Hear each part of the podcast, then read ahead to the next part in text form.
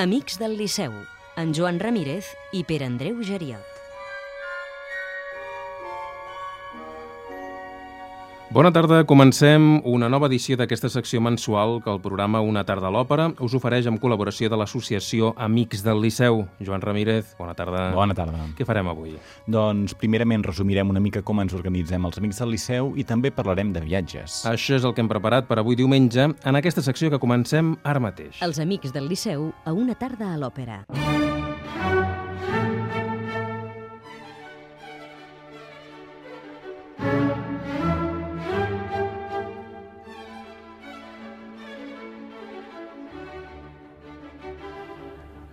Aquest apartat dels Amics del Liceu a una tarda a l'òpera va començar el mes d'octubre i pensem que una mica ja us heu fet a la idea de l'activitat que va fer en aquesta associació.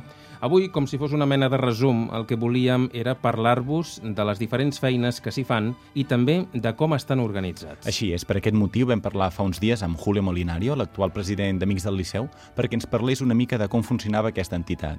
D'entrada vam voler que ens expliqués l'estructura d'aquesta associació. A veure, és una organització molt senzilla que suposa l'organització d'una junta directiva que té 10 persones, un president, un vicepresident, un tresorer i uns vocals. Eh, hi ha dues persones administratives que es cuiden del dia a dia i de la feina, diguem, habitual, molt conegudes per tothom. L'Anna, que fa potser 10 o 12 anys que està amb nosaltres, l'Eulàlia, que en fa dos o tres, les persones que més atenen a tothom i molts col·laboradors.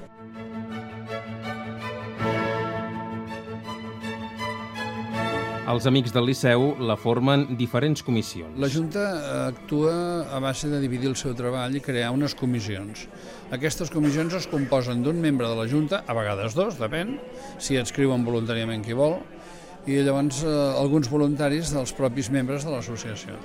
El més conegut és el dels voluntaris que eh, guien les visites en el, en el teatre, que és un servei que fem gratuït i que és molt interessant perquè no és un paper eh, que un s'aprèn de memòria, sinó que cada voluntari hi afegeix les anècdotes que coneix o suma les anècdotes que li expliquen, etc. No?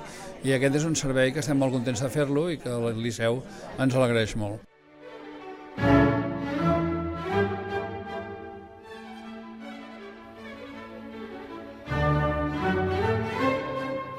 Una altra de les comissions és la dels viatges, dels quals ja n'hem parlat en alguna ocasió en aquesta secció. Després hi ha una comissió que organitza els viatges. Nosaltres, en col·laboració amb teatres estrangers, fem habitualment un al mes, una cosa així, un viatge a fora de Barcelona, i això pues, solen ser uns 40 o 50 persones que van a cada viatge. Viatges que a vegades és d'una setmana sencera, a Berlín, per exemple, perquè podem lligar tota una sèrie d'espectacles, de, d'òperes i concerts, o a vegades doncs, un sol viatge a Madrid o a Oviedo o una cosa d'aquest tipus.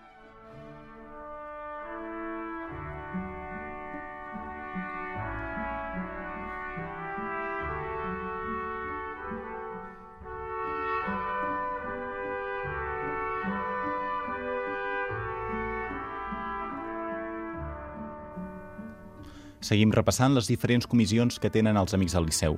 N'hi ha un parell que també hem comentat en alguna ocasió que estan dedicades a compositors. Després hi ha el que en diem els, els comitès o les comissions de grans autors. Llavors, fonamentalment, en aquests moments ens en funcionen dos. Una que en diem de Wagner i una altra que en diem de Verdi. La de Wagner és prioritàriament de Wagner, però també de música centroeuropea o alemana, i en canvi la de Verdi doncs, és italiana. Són les dues tendències més marcades que hi ha dintre del nostre públic i dels nostres eh, socis. Això és molt buscat i molt celebrat perquè això vol dir que cada vegada que hi ha una òpera doncs llavors hi ha uns voluntaris que formen part d'aquestes comissions que preparen uns vídeos de trossos d'aquestes òperes històrics gravats i coneguts, llavors es, es, es, es projecten i es comenten i es comparen. No? I quan s'ha acabat hi ha una tertúlia amb una mica de sopa fred que acaba de, de lligar-ho una mica tot. I això doncs, també té molta, molta importància.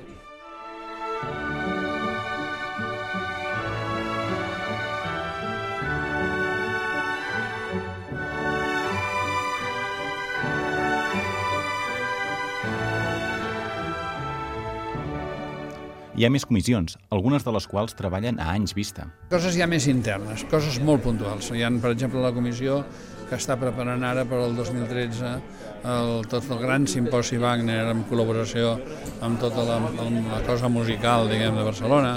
Hi ha una comissió que està preparant el tercer dels llibres que comprèn tota la història del Liceu, tota vegada que n'hem publicat dos de 50 anys, ens queden uns 50 anys intermitjos. 47-97 ja hi és, ens falta 1897 a 1947 a l'intermig.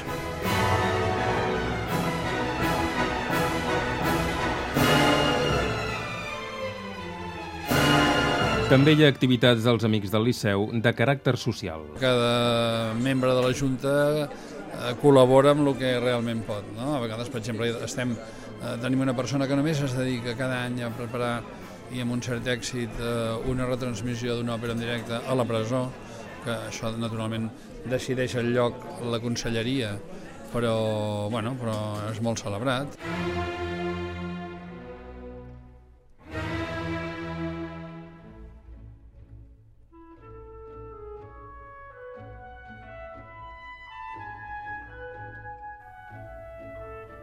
I finalment ens queda el grup jove dels Amics del Liceu. Tenim tot el grup de joves. Aquest és un altre lloc fixo de la Junta, un jove que representa una mica tots els altres joves, llavors concurs de composició, concurs de música vocal, portar òpera als nanos dels barris, del Raval, dels Sants, etc. I amb això és una mica com formem tot el que seria el, el, el crisol de lo que realment es fa.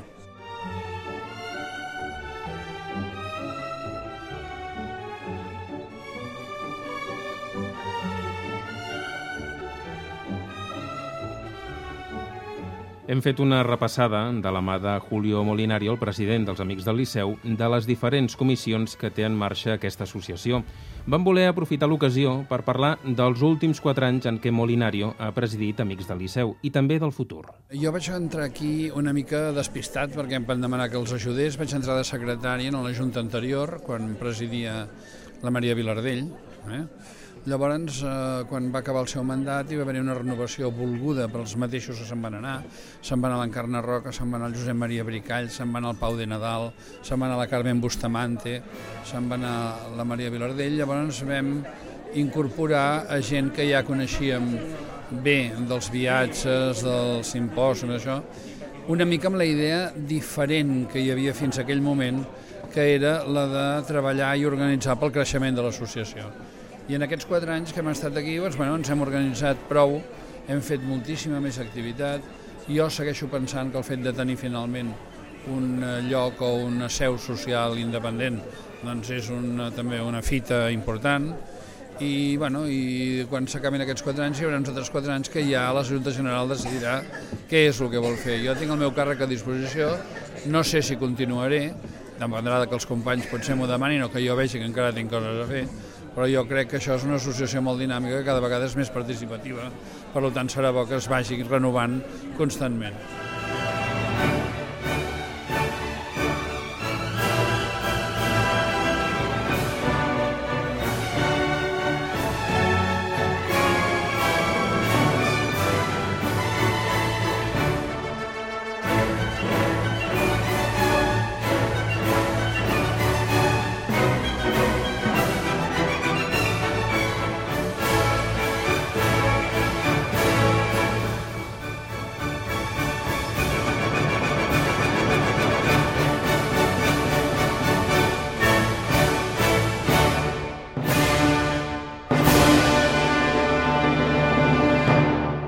Amics del Liceu, el programa d'òpera de Catalunya Música.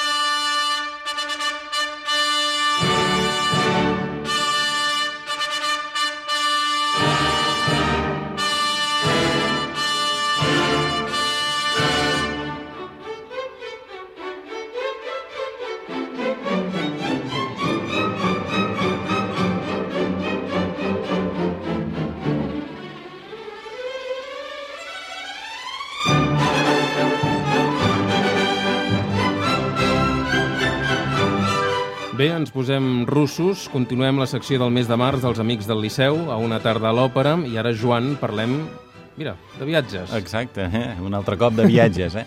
Fem un avançament del que preparen Sí. els amics del Liceu pels pròxims mesos, perquè uh Mhm. -huh. hi ha una llista aquí de, de Exacte. cosetes. Per exemple, hem de començar eh, a Suïssa, el mes de maig. Sí, exactament. El mes de maig es fa un viatge a Zuric, del 13 al 17 de maig, doncs, eh, bé, tot un grup d'amics eh, ens anirem o s'aniran a aquesta, a aquesta ciutat suïssa i, bueno, per veure eh, Eugene Onegin, Der Ferne Klang, una altra russa com Boris Godunov, o Luisa Miller. Eh? Són quatre òperes que això gairebé és òpera diària. Eh? Caram, com a Berlín, no?, una mica. Exactament, però bé, en aquests viatges és una mica viatge a la carta.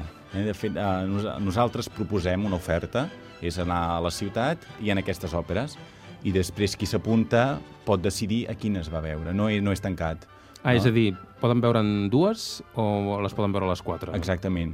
Eh? I poden, o fins i tot, si, si veuen que, perquè això també passa, si veuen que a la ciutat, per exemple, a Berlín, quan vam anar a Berlín, doncs no estava inclosa la Filarmònica de Viena, però el, com que algú, el, algunes persones ens ho van demanar, doncs els amics del Liceu també fem les gestions per obtenir les entrades. Això, en això no hi ha cap mena de problema. Uh -huh. A Zuric tenen un, un bon teatre d'òpera i les Mhm. propostes són, són interessants. són molt interessants. A més, hi ha bé, aquestes òperes que, que les, les hem vist al Liceu, no? però el rus eh, sembla que no acabi d'estar del tot en el repertori de- d'aquí a Barcelona i per tant tornar-les a veure sempre és una bona oportunitat.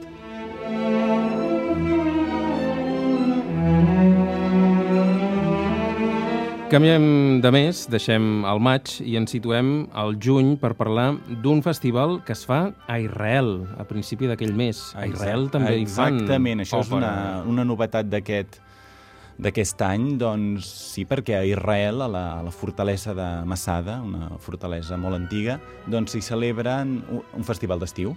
És un festival a, a l'aire lliure i ens bé, i proposem anar, anar a veure un Nabucco, evidentment, no? A Israel, doncs, veurem un Nabucco amb Maria Goleguina, gran coneguda de, de l'escenari del Liceu, i, a més a més, un concert um, de Jesse Norman, de, un recital, que pot estar molt bé. Això quan és? Quines dates? Doncs es va de l'1 al 6 de juny.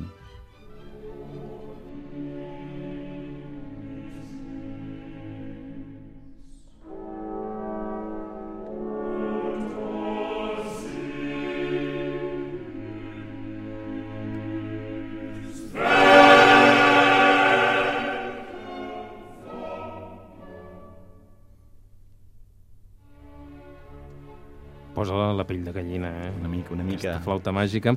Al mes de juliol mm, ja hi ha molta gent, Joan, molta gent ja fa vacances. Sí. I una de les activitats que proposen els amics del Liceu és anar al Tirol. Ah, exactament, el festival de Erl, Allà no passaran molta calor al Tirol, eh? No gaire, no gaire, però potser ja va bé, no? El mes de juliol refrescar-se.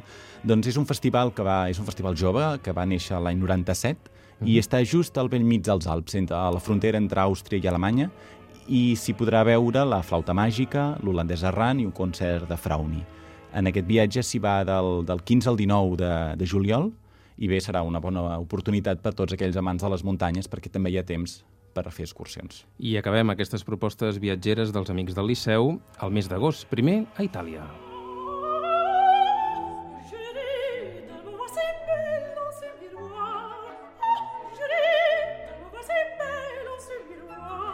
A Itàlia, però sona, sona, Sona Faust. una mica francès, eh? Però el festival és a Itàlia. Sí, sí, sí, és el festival. És un viatge bé combinat de dos festivals, que és el de Macerata i el de Pessaro.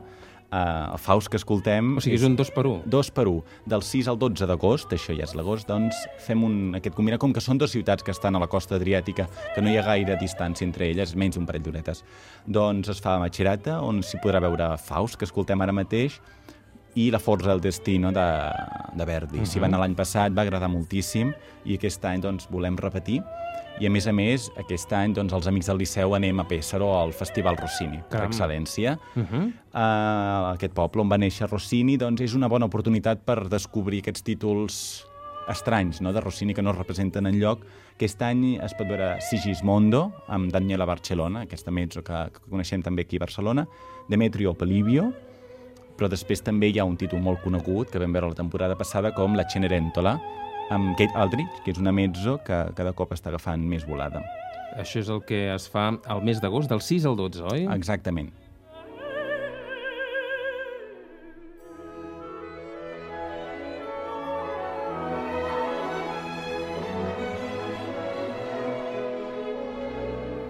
Hem d'acabar a Salzburg. Exactament. Salzburg també s'hi va cada any. És el clàssic de cada any. Del 16 al 22 d'agost anirem a Salzburg. Títols com Lulú, Don Giovanni, Romeo i Julieta, Electra, tot amb la Filarmònica de Viena. En fi, que donarem més detalls més endavant, però un dels plats forts. Molta oferta per triar, com podeu comprovar. Aquests viatges van adreçats, Joan, en principi, als associats dels Amics del Liceu, i pot, s'hi pot apuntar Bé, la- um, bé, estan pensats pel, pels associats, enviem tota la informació als associats, però estan oberts a, a tothom que vulgui. Sí. Podem donar algun web o algun Exactament, telèfon? sí. Mira, la web és www.amicsliceu.com i el telèfon és el 93 317 73 78. 93 317 73 78. Exactament. Nosaltres acabem aquí. La pròxima cita serà el tercer diumenge del mes d'abril. Això és el dia 18. Fins aleshores, gràcies Joan Ramírez. Moltes gràcies. I també als oients. Fins la propera. A reveure. Amics del Liceu, amb Joan Ramírez i Pere Andreu Geriot.